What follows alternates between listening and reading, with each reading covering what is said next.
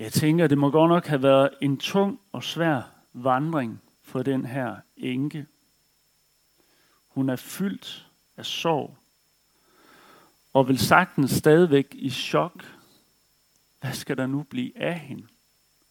Hvem skal nu forsørge hende, nu hvor hun har mistet både hendes mand og hendes eneste søn?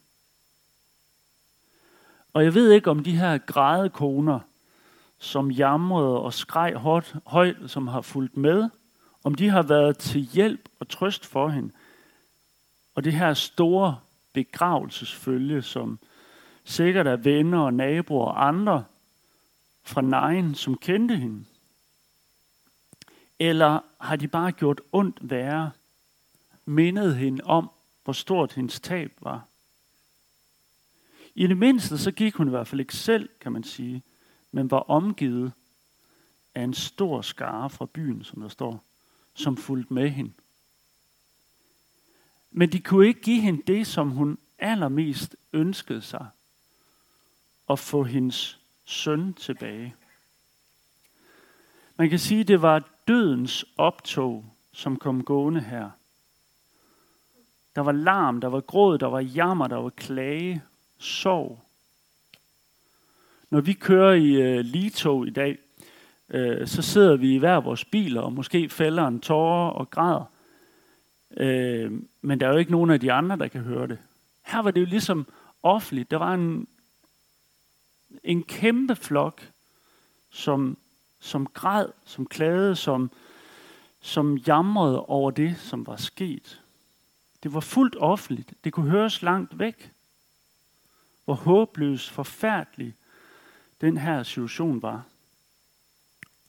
Alt imens det her dødens optog kommer, så er der andet optog, som kommer på vej fra Kapernaum til Nain. Kapernaum, hvor Jesus netop har helbredt officerens tjener. Øhm, det ligger cirka, øh, Nain ligger cirka 10 km fra Nazareth, og omkring en dagsrejse fra Kapernaum. Man ved ikke, om de har overnattet undervejs, eller om de simpelthen bare er gået hele den vej på en dag.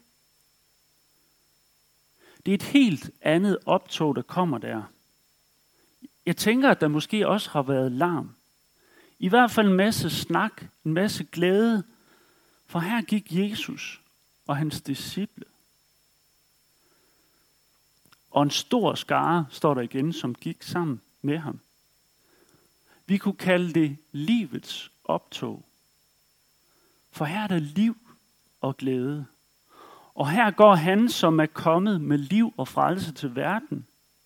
Og her kommer han, som er dødens overmand. Men de ved det bare ikke endnu her i dødens optog. Og så sker det, at livets optog med Jesus i spidsen og dødens optog, de mødes der uden for byporten ved Nain. Jesus han følger dem ikke bare sådan på afstand, sådan og observerer, hvad der sker. Nej, han går helt hen til optoget. Han går helt hen til den her sørgende enke. Og så står der, han ynkedes. Egentlig så betyder det øh, på grundsproget, at hans indre hans indre indvolde kommer i bevægelse. Altså så, så fuldstændig øh, gennemgribende er det det, den her sorg og medynk, som Jesus føler med hende. Og så siger han fuldstændig uhørt og provokerende til den her grædende enke, græd ikke. Uh, what? Altså, Jesus, vi ved jo, at du selv kunne græde. Og det gjorde han for eksempel, da da Lazarus døde, Martha Marias bror og en rigtig god ven, der siger han, øh, der, der begynder han at græde, da han møder de her to søstre i deres sorg. Så, så hvorfor siger han sådan? Har, har hun ikke lov til at græde? Er det ikke naturligt? Jo, men Jesus kommer med noget, som er større som er stærkere end hendes sorg. ja, som er stærkere end døden. Og endelig som det tredje, udover at han ynkes over hende, har inderlig medfølelse. Og han siger, græd ikke, så går han hen og rører ved borgen. Han stanser det her begravelsesoptog. Og normalt så vil jo øh, de her farisæer, som går meget op i de her renhedsforskrifter, sige, jamen Jesus, det kan du ikke, så bliver du uren, hvis du rører ved den her borger med den døde på. Det må du ikke, det kan du ikke. Men Jesus, han frygter end ikke at blive uren, end ikke døden frygter han. Han er herre over døden. Normalt så ville sådan et, et dødens optog, det vil jo opsluge livets optog. Det er det, vi, det er det, vi normalt møder i vores liv, når vi står ved en, en grav og sænker den døde ned i jorden. Så forventer vi ikke, at den døde skal springe op af kisten og sige, hej, det hele var fake, jeg lever. Eller at ja, at den døde lige pludselig skal få liv. Men det er det, der sker her. Her er det ikke dødens optog, der opsluger livets optog, men det er livets optog, der opsluger dødens optog.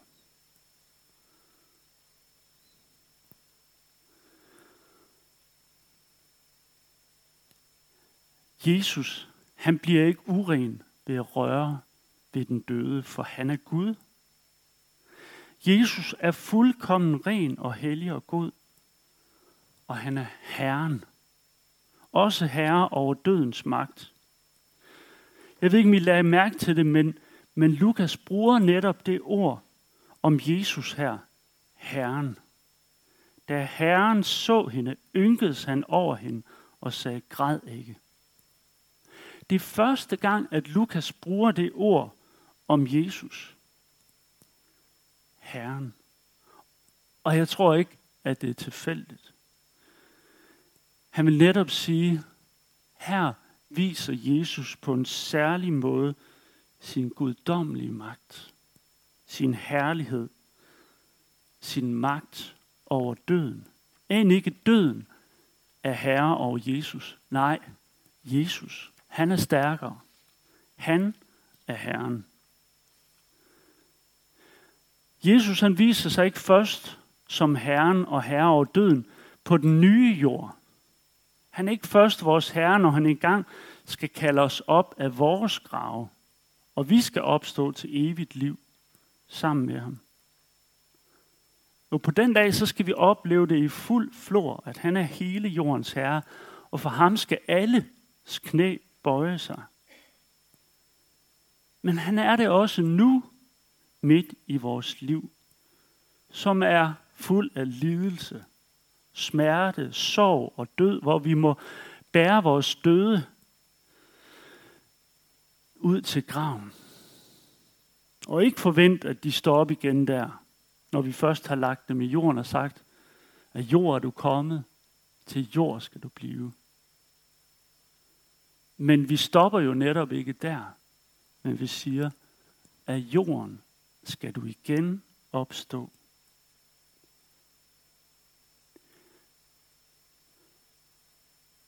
Og hvor smertelig vi må erfare, at vi også selv svigter. Fordi det er det, som er en del af den her, det, det som er en del af den her verden, er jo netop smerten, sorg og død.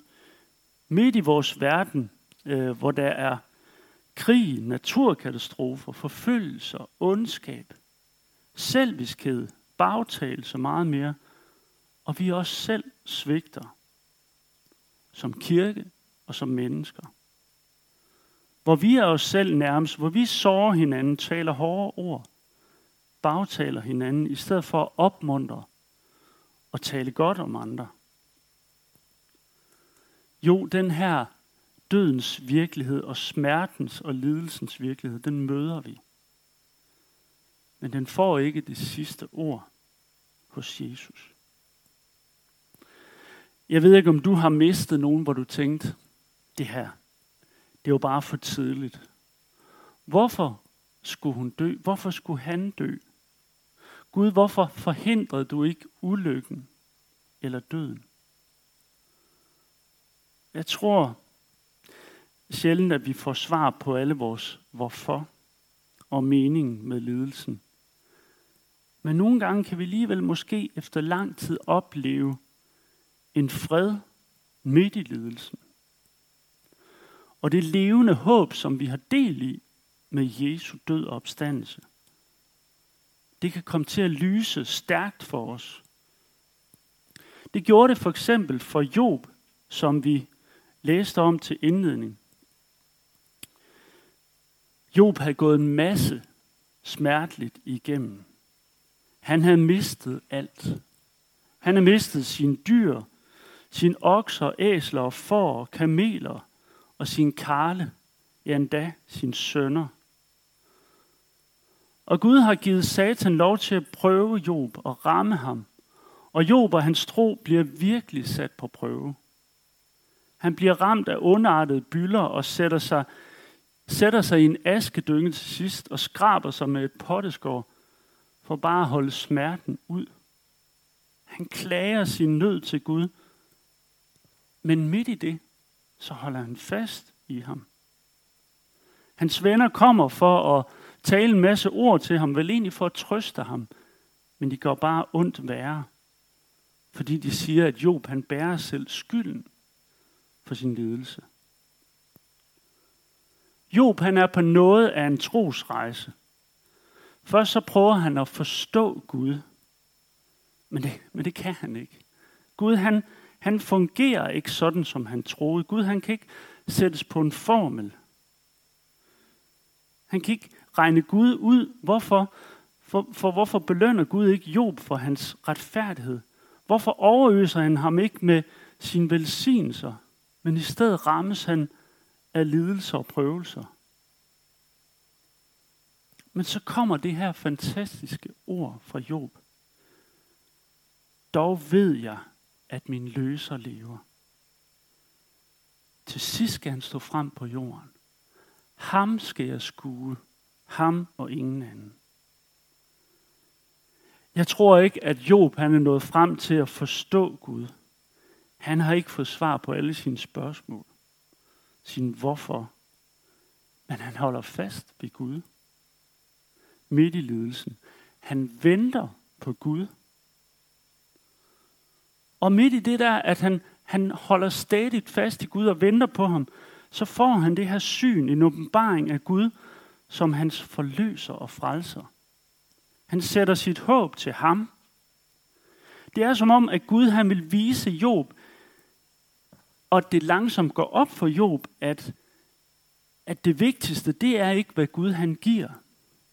Om han giver prøvelser eller velsignelser. Men det vigtigste er Gud. Det vigtigste er, at han venter på Gud stoler på ham, retter sine øjne mod ham. Og jeg tror faktisk, at Job han kan lære os noget her. For det er ikke først, når vi er på den anden side, når vi har, når vi har fået sådan en oplevelse af, og måske erfaret, at Gud han greb ind med helbredelse, eller svarede os helt konkret. Det, det er ikke først der, at vi kan opleve Gud som vores forløser og herre. Det kan vi nu midt i det, som vi står i. Jeg snakkede på et tidspunkt med en god ven om det her udtryk, der er lys for enden af tunnelen. Han sagde til mig, jeg kan ikke fordrage det udtryk. For hvad så med nu, hvis jeg synes, at jeg er i, noget, i en meget lang tunnel, og jeg kan ikke se hen til nogen af enderne. Der er bare mørkt. Skal jeg så vente til jeg er ude, til der er lys? Nej. Vi skal ikke vente, til vi er igennem tunnelen, til vi er igennem lidelsen. Gud er hos dig nu. Han er dit håb. Han er din frelser. Han vil være dit lys, både i mørke dage og i lyse dage. Og det vil slutte med nogle ord fra David fra salme 23, de sidste tre vers. Selvom jeg går i mørkets dal, frygter jeg intet ondt, for du er hos mig, din stok og din stav er min trøst. Du dækker bord for mig, for øjnene af mine fjender. Du salver mit hoved med olie. Mit bæger er fyldt med overflod. Godhed og troskab følger mig, så længe jeg lever, og jeg skal bo i Herrens hus alle mine dage. Amen.